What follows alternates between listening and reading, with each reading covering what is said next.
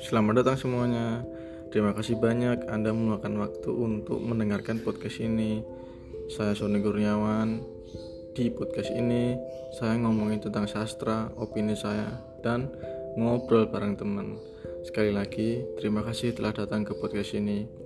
Saya Sony Kurniawan. Selamat menikmati.